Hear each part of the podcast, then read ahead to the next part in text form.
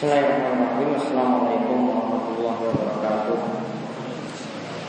Innal hamdalillah nahmaduhu wa nasta'inuhu wa nastaghfiruh wa na'udzu billahi min shururi anfusina wa min sayyiati a'malina. May yahdihillahu fala mudilla lahu wa may yudlil fala hadiya lahu. Wa asyhadu an la ilaha illallah wahdahu la syarika lahu wa asyhadu anna Muhammadan abduhu wa rasuluh. Allahumma shalli ala nabiyyina wa sayyidina Tabi'ahum bi ihsan ila yaumil Allahumma aslih lana dinana allati huwa ismatu amrina wa aslih dunyana allati fiha ma'ashuna wa aslih al-akhirata allati fiha ma'aduna wa ja'al al-hayata ziyadatan lana fi kulli khair wa ja'al al-mauta rahatan lana min kulli syarr. Ikhwan fiddin rahimani wa rahimakumullah. Alhamdulillah kita bersyukur kepada Allah Subhanahu wa taala atas nikmat yang telah Allah anugerahkan kepada kita sekalian sehingga pada kesempatan malam hari ini kita dapat berkumpul dalam majelis yang mulia ini untuk melanjutkan kajian kita dari pembahasan kitab Riyadhus Shalihin di mana konsentrasi kita adalah membahas masalah-masalah adab dan kita masih dalam pembahasan atau tema yang dibawakan oleh Imam Nawawi pada bab 143 dari kitab salam. Yaitu disunahkannya berjabat tangan ketika bertemu kemudian berwajah yang manis ya saat berjumpa kemudian disunahkan pula untuk mencium tangan orang soleh dan mencium anak yang masih kecil sebagai tanda sayang kepadanya dan disunahkan pula untuk memeluk orang yang baru datang dari safar dan dimakruhkan atau dilarang untuk membungkukkan badan di hadapan orang lain. Kali ini kita masuk kepada hadis nomor 890 dari Sofwan bin Asal. Dari Sofwan, Sofwan, Sofwan bin Asal. Radhiyallahu anhu. Kali ini nanti akan membicarakan tentang diperbolehkannya mencium tangan orang soleh. Tentang diperbolehkannya mencium tangan orang soleh. Sofwan bin Asal ini mengatakan, kalau Yahudi uni sahibihi, ada seorang Yahudi yang pernah mengatakan kepada temannya, Izhab bina ila hadzal nabiyyi Fa'ataya Rasulullah SAW Marilah kita pergi Menemui Nabi tersebut Maka akhirnya mereka mendatangi Rasulullah Sallallahu alaihi wasallam. Fa'asa'alahu antisi ayatin bayinat. Mereka ketika itu bertanya tentang tujuh, bertanya tentang sembilan ayat yang disebut dengan sembilan ayat penjelas, sembilan ayat bayinat. Yang dimaksudkan sini adalah surat Al-Isra ayat ke-101. Fazakarul hadis lalu hadis disebutkan secara lengkap. Nah, sampai pada sabda Nabi SAW sampai pada isi teks hadis bala yaitu Imam Nawawi di sini memotong hadisnya sampai pada perkataan bala yadahu wa rijlahu. Bala yadahu wa rijlahu maka ketika itu dua orang Yahudi tadi mencium tangan Nabi SAW dan juga mencium kakinya. Waqala dan keduanya kemudian mengatakan nashhadu annaka nabiyyun. Kami bersaksi bahwasanya engkau adalah seorang nabi. Kami bersaksi bahwasanya engkau seorang nabi. Hadis ini rawahu Tirmidzi diriwayatkan oleh Imam Tirmizi wa ghairuhu dan selainnya bi asanida sahihatin dengan sanad yang sahih.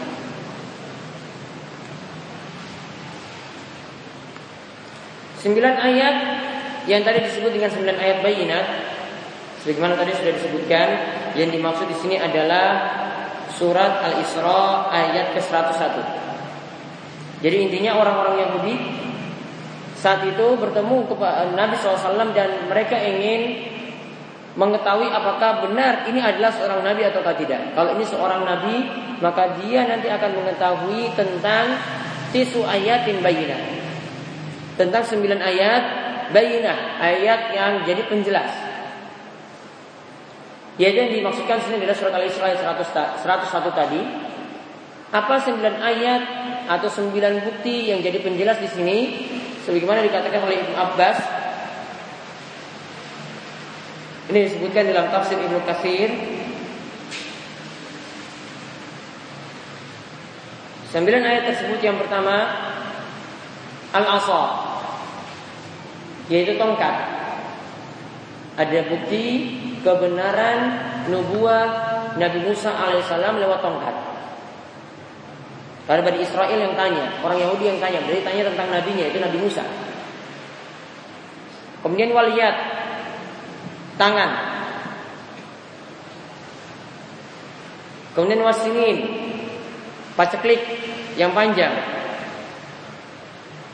Kemudian yang keempat wal bahru. Laut yang terbelah. Yang kelima watufanu. Kemudian tufan, angin topan yang datang. Yang keenam wal jarradu belalang yang bertebaran banyak ketika itu. Kemudian wal qamal yaitu banyaknya kutu saat itu.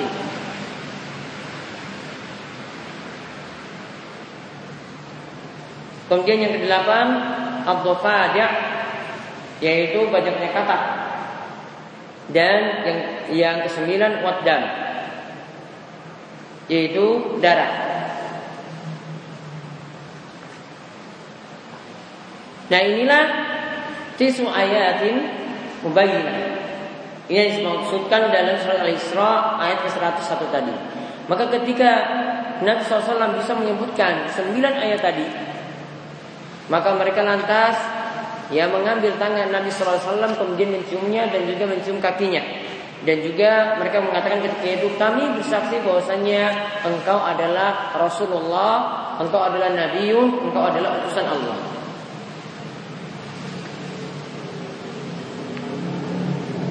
Dan perlu diketahui bahwasanya orang Yahudi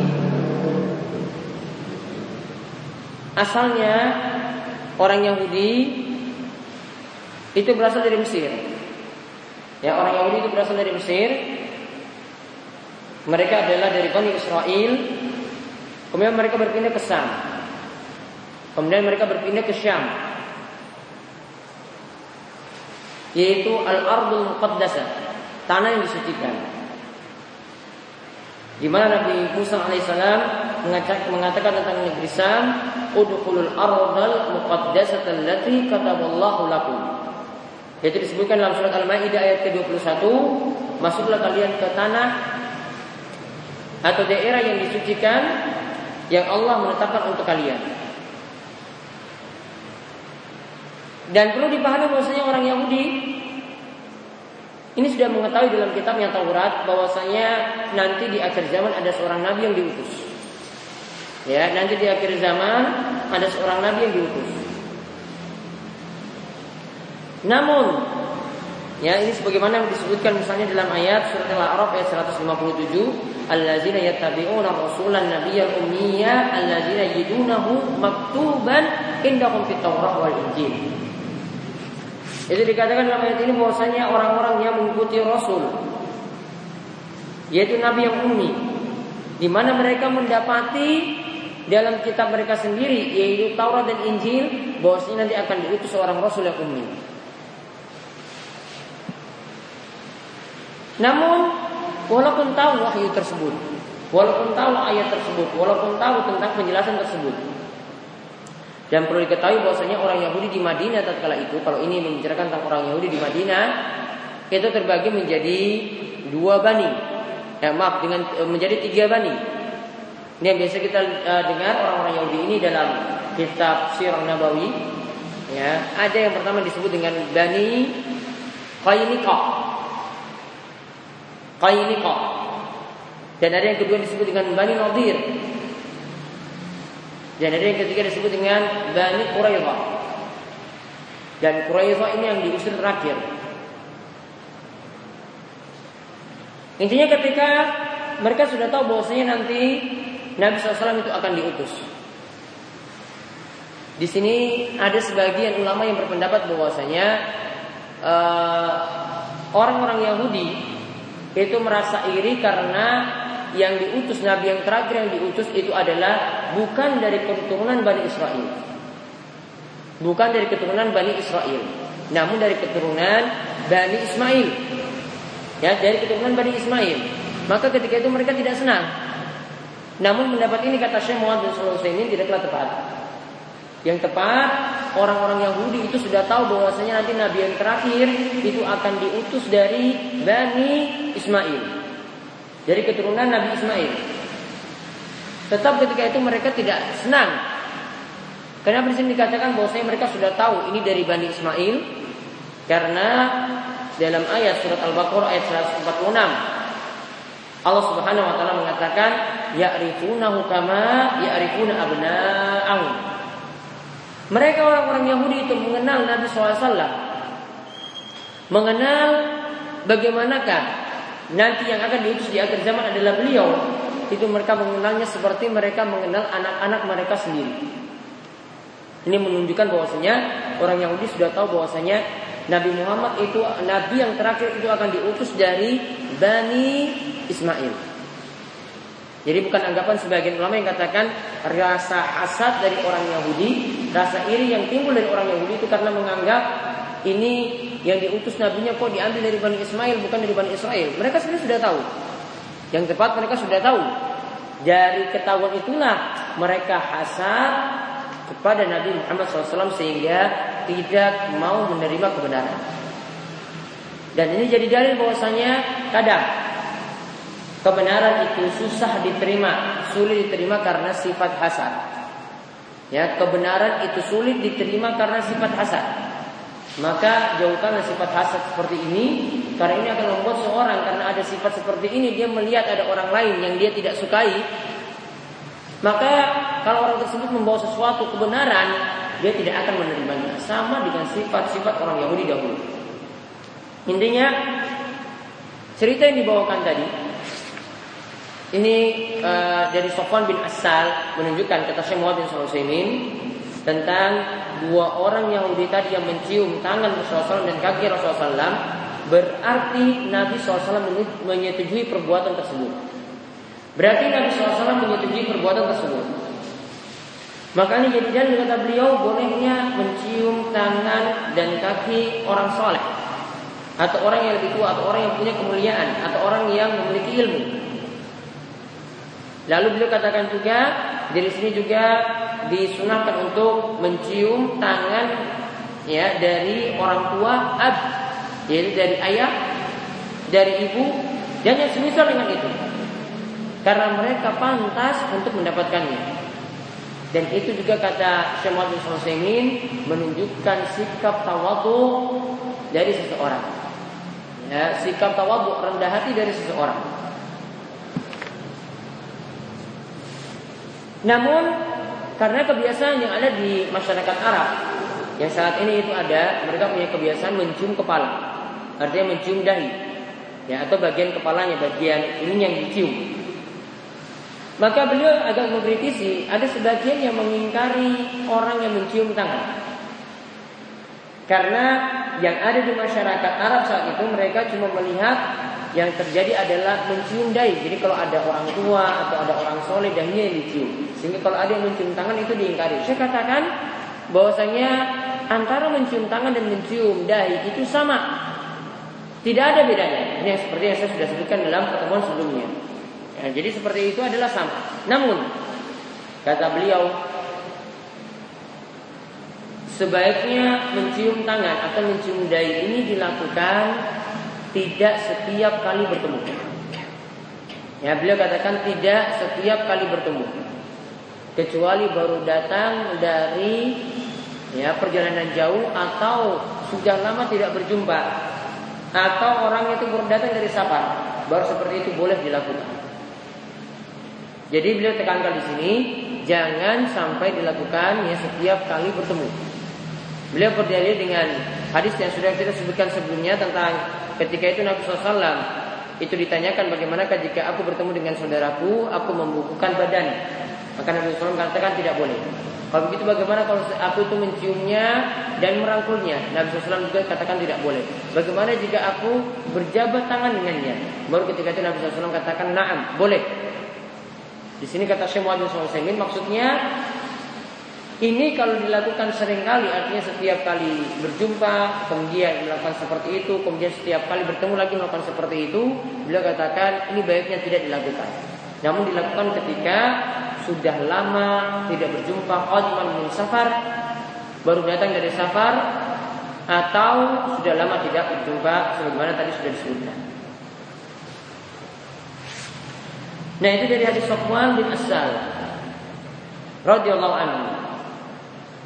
Sekarang kita beralih pada hadis Ibnu Umar radhiyallahu anhu tentang kisah di mana disebutkan di dalamnya pada pada naunan Nabi SAW faqabbalnahu yadahu.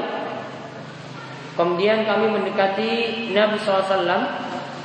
Kemudian kami ya mencium tangan beliau ketika itu. Hadis ini dikatakan oleh Imam Nawawi diriwayatkan oleh Abu Daud. Hadis ini dikatakan oleh Imam Nawawi diriwayatkan oleh Abu Daud. Maka di sini juga jadi dalil bahwasanya para sahabat Nabi SAW itu mencium tangan Nabi SAW. Para sahabat Nabi itu biasa mencium tangan Nabi SAW. Maka ini dikatakan oleh Imam Nawawi dalam judul bab ini dapat disamakan kata beliau dengan orang soleh, boleh juga orang soleh diperlakukan seperti itu. Namun dijelaskan oleh Syekh Muhammad bin Shalih Beliau terangkan bahwasanya kalau kita dibolehkan seperti itu namun kita tidak menyodorkan tangan kita. Ya, beliau katakan kita tidak menyodorkan tangan kita. Artinya orang lain yang mencium tangan tadi yang ngambil tangan tersebut kemudian menciumnya, bukan orang yang lebih berilmu tadi atau orang yang lebih tua tadi kemudian paksa kepada ya orang yang berada di bawahnya ini cium tangan saya. Beliau jelaskan dalam syarah hadis seperti itu. Tadi beliau katakan ya kalau ada yang mengatakan qabil yadi cium tanganku ini. Maka beliau katakan fahadha wallazi yastankir ini yang patut diingkari. Ya kalau ada yang melihat seperti itu maka jangan dilakukan. Namun kalau yang tadi ada anak-anak menghormati gurunya atau ada murid menghormati ustadznya kemudian mereka mencium tangannya sendiri ketika itu ya ini diperbolehkan dalam rangka untuk memuliakan atau mengagungkan orang yang lebih tua atau orang yang berilmu tersebut. Namun catatan yang tadi diberikan oleh Syekh ini tidak dilakukan setiap kali bertemu. Ya asalnya adalah setiap uh, kalau sudah lama tidak berjumpa atau qadiman minas safar baru datang dari safar Lalu kita lihat lagi hadis selanjutnya dari Aisyah. Jadi hadis nomor 891 itu dari Ibnu Umar. Ada kisah yang disebutkan di sini kemudian diceritakan bahwasanya kami mendekati Nabi SAW kemudian mencium tangannya. Hadis yang diriwayatkan oleh Ibu Daud. Hadis yang berikutnya hadis nomor 892 yaitu dari Aisyah radhiyallahu anha. Ini juga sama tentang bagaimanakah memuliakan orang soleh. Dan perlu dipahami bahwasanya Imam Nawawi dalam uh, bab sebelum pembahasan tentang masalah adab ini dalam awal-awal kitab Riyadhus Shalihin itu membahas juga pembahasan bagaimanakah kita diperintahkan untuk memuliakan orang soleh, menghormati orang soleh, atau menghormati para ulama dan juga menghormati orang yang lebih tua. Ini beliau sebutkan dalam ya bab-bab awal dan ini prakteknya itu ada disebutkan dalam hadis-hadis semacam ini. Kita lihat hadis dari Aisyah. Radhiyallahu anha, ia berkata, Qadima Zaid bin Harisa al-Madinata Rasulullah SAW fi baiti. Aisyah mengatakan Zaid bin Harisa ketika itu mendatangi Madinah. Dan Rasulullah SAW berada di rumahku, yaitu berada di rumah Aisyah. Fa'atahu faqara al-bab. Lalu Zaid bin Haritha Zaid bin Haritha ini adalah bekas budak Nabi sallallahu alaihi wasallam. Ketika itu langsung masuk menemui Nabi SAW Faqara al-bab Lantas dia menutupi pintu Faqama ilaihi Nabi SAW Lalu Nabi SAW itu Berdiri menemui Zaid. Yajuru saubahu Beliau menjulurkan pakaiannya Fa'tanaqahu wa qabbalahu. Lantas ketika itu Zaid merangkul ya atau ya merangkul Nabi SAW dan ketika itu beliau yaitu Zaid mencium Nabi Shallallahu Alaihi Wasallam. Hadis ini diriwayatkan oleh Imam Tirmizi dan hadisnya adalah hadis yang hasan.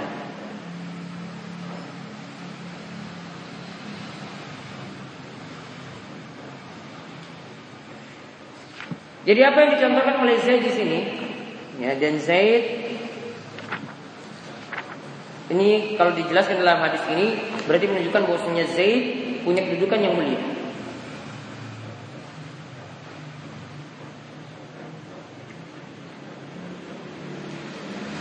Dia punya kedudukan yang mulia di sisi Nabi SAW. Kalau kita lihat dalam hadis yang ada tadi, ya kita lihat Zaid itu diistimewakan dibiarkan masuk menemui Nabi SAW. Kemudian penyebutan Zaid lagi itu ada dalam ayat Al-Quran. Seperti dalam firman Allah Subhanahu Wa Taala dalam surat Al-Ahzab ayat yang kelima tentang Zaid di sini dikatakan ud'uhum li abaihim wa aqsatu indallah. Ini ditujukan kepada Zaid. Surat Al-Ahzab ayat 5 ini ditujukan kepada Zaid. Jadi ini menunjukkan bahwasanya Zaid itu punya kedudukan yang mulia di sisi Allah dan di sisi Nabi Shallallahu Alaihi Wasallam. Nah pelajaran yang bisa kita ambil dari hadis ini bahwasanya yang terkait dengan judul bab yang kita bahas diperbolehkannya mencium tangan orang soleh atau orang yang punya kemuliaan.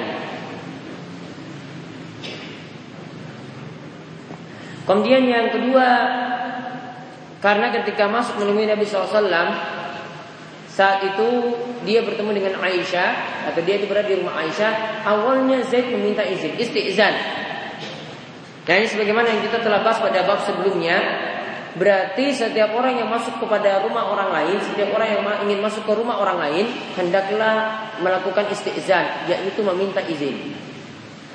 Ya, haruslah meminta izin. Sebagaimana dalil-dalil yang telah kita bahas dalam pembahasan istizan, Allah Subhanahu wa taala berfirman misalnya dalam ayat surat An-Nur ayat ke-27, ya ayyuhallazina amanu la tadkhulu buyutan ghaira buyutikum. Wahai orang-orang yang beriman, janganlah kalian masuk ke dalam rumah yang bukan rumah kalian hatta tasta'nisu wa tusallimu ala ahliha. Sampai kalian meminta izin dan memberi salam kepada penghuni yang ada dalamnya. Zalikum khairul lakum la'allakum tazakkarun. Dan itu baik bagi kalian jika kalian itu mau mengingatnya. Jadi di antara bentuk adab adalah meminta izin ketika masuk ke dalam rumah seperti apa yang dicontohkan tadi.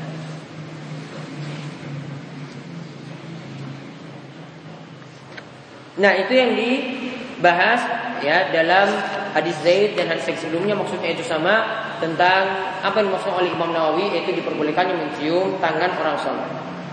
Kemudian selanjutnya tentang masalah perintah untuk berwajah manis bukan dengan wajah yang cemberut di hadapan orang lain.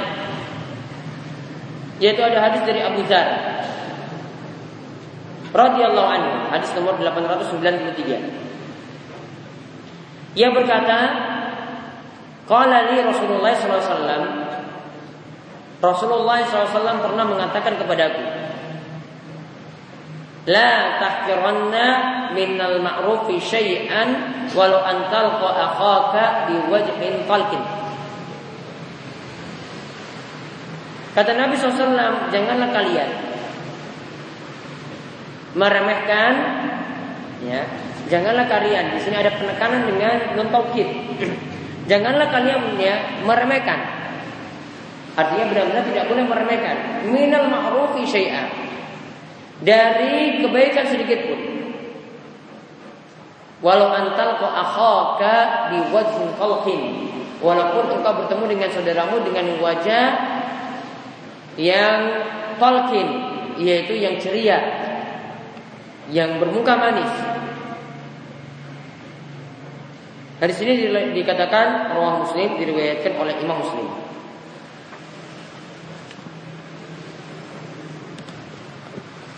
Maka pelajaran yang bisa kita ambil Yang pertama Kebaikan apa pun itu jangan diremehkan Ya kebaikan apa pun itu jangan diremehkan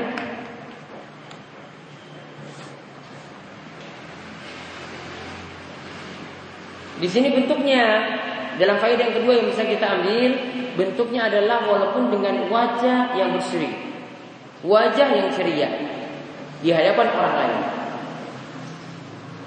Yang dimaksudkan dengan biwajhin khalqin itu adalah ghairu abus, yaitu bukan wajah yang cemberut. Yaitu bukan wajah yang cemberut, ini dikatakan oleh Syekh Muhammad bin Shalih Al-Utsaimin. Namun Syekh Muhammad bin Shalih Al-Utsaimin memberikan penekanan tidak selamanya orang mesti bertemu dengan orang lain itu dengan wajah yang uh, berwajah manis seperti itu. Kadang karena ada suatu sebab malah dia berwajah atau bermuka cemberut. Yaitu kapan? Ketika ada sebab misalnya ini dapat mempengaruhi orang lain kalau kita bermuka cemberut, ada orang yang salah akhirnya jadi sadar bahwasanya dirinya itu salah.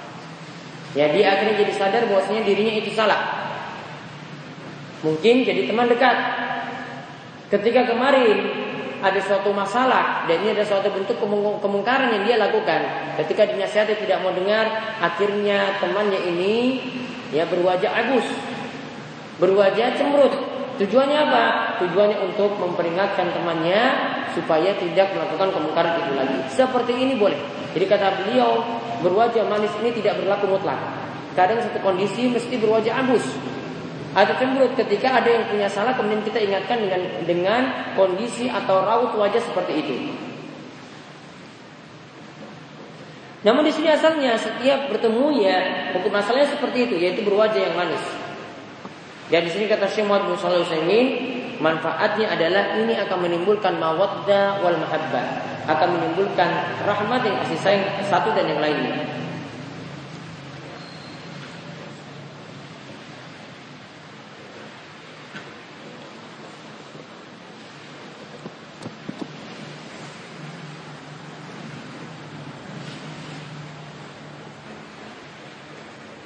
Jadi itu yang bisa kita ambil dari hadis la tafkirana minal ma'ruf syai'an.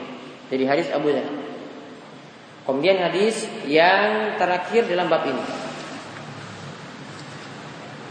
yaitu tentang perintah mencium anak. Namun di sini bukan mencium anak kita saja, bisa jadi anak kerabat, bisa jadi anak sedulur yang masih punya hubungan dekat, ataupun kata Syekh Muhammad ini Syekh Muhammad ini anak ajanib yaitu yang tidak punya hubungan apa-apa sama sekali. Yang penting di sini adalah wujud mencium anak kecil. Bentuknya adalah mencium anak kecil. Itu ada hadis dari Abu Hurairah radhiyallahu anhu. Bahwasanya Abu Hurairah mengatakan, Qabbala Nabi SAW Hadis nomor 894 Nabi SAW itu pernah mencium Hasan bin Ali radhiyallahu anhu. Ya, Hasan bin Ali radhiyallahu anhu dicium oleh Nabi SAW. Lantas faqala al-Aqra bin Habis. Ketika itu ada sahabat yang namanya Aqra bin Habis. Ia mengatakan, "Innali asyaratan minal walad." Ma qabbaltu minhum ahada. Aku sendiri ini sebenarnya punya 10 anak. Namun aku tidak pernah mencium mereka sama sekali. Aku punya 10 anak namun aku tidak pernah mencium mereka sama sekali. Dari nomor 1 sampai nomor 10 tidak pernah dicium. Maka dia kan lihat Nabi SAW, oh kok Nabi SAW melakukan pada cucunya seperti itu. Maka hal ini sampai pada Nabi SAW kemudian Nabi SAW mengatakan la man la, man la yarham la yurham. Man la yarham la yurham. Siapa yang tidak menyayangi orang lain maka dia tidak akan disayangi. Siapa yang tidak menyayangi orang lain maka dia tidak akan disayangi. Hadis ini mutafakun alaih diriwayatkan oleh Imam Bukhari dan Muslim.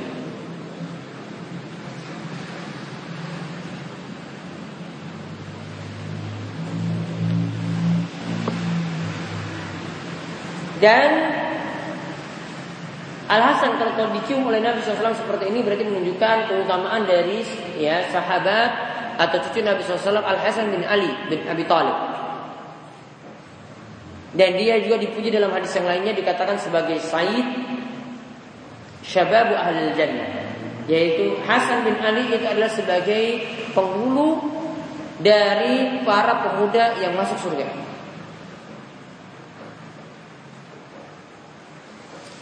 Nah ketika itu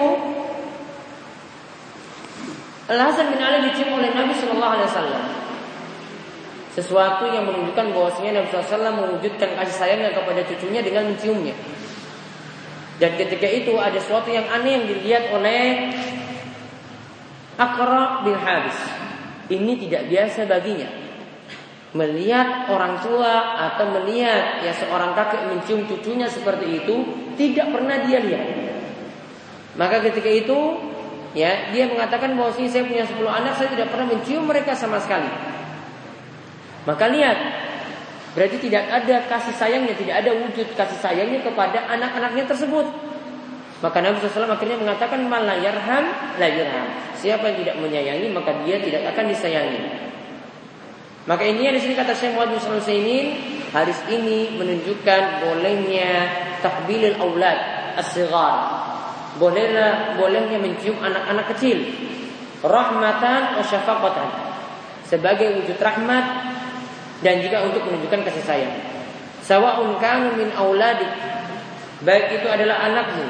Au min auladi abnaika. Atau itu adalah cucumu. Au min auladi banatika. Atau ini adalah cucu dari anak perempuanmu. Atau ini adalah minal ajamin orang yang anak yang tidak ada hubungan apa-apa Karena kata beliau di sini di anna hadza yujibu rahmah. Seperti itu menunjukkan kasih sayang dari orang yang lebih tua kepada anak-anak semacam itu.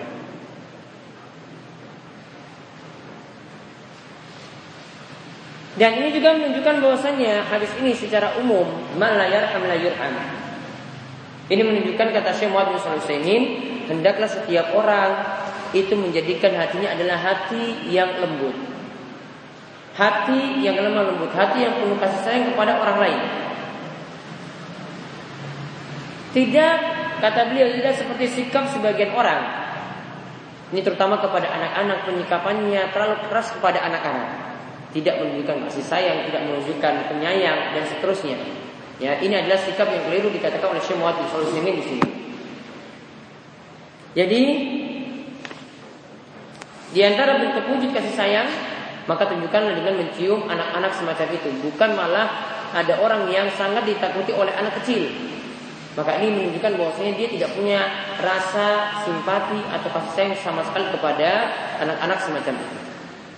Dan ini yang jadi eh, hadis yang terakhir yang kita bahas.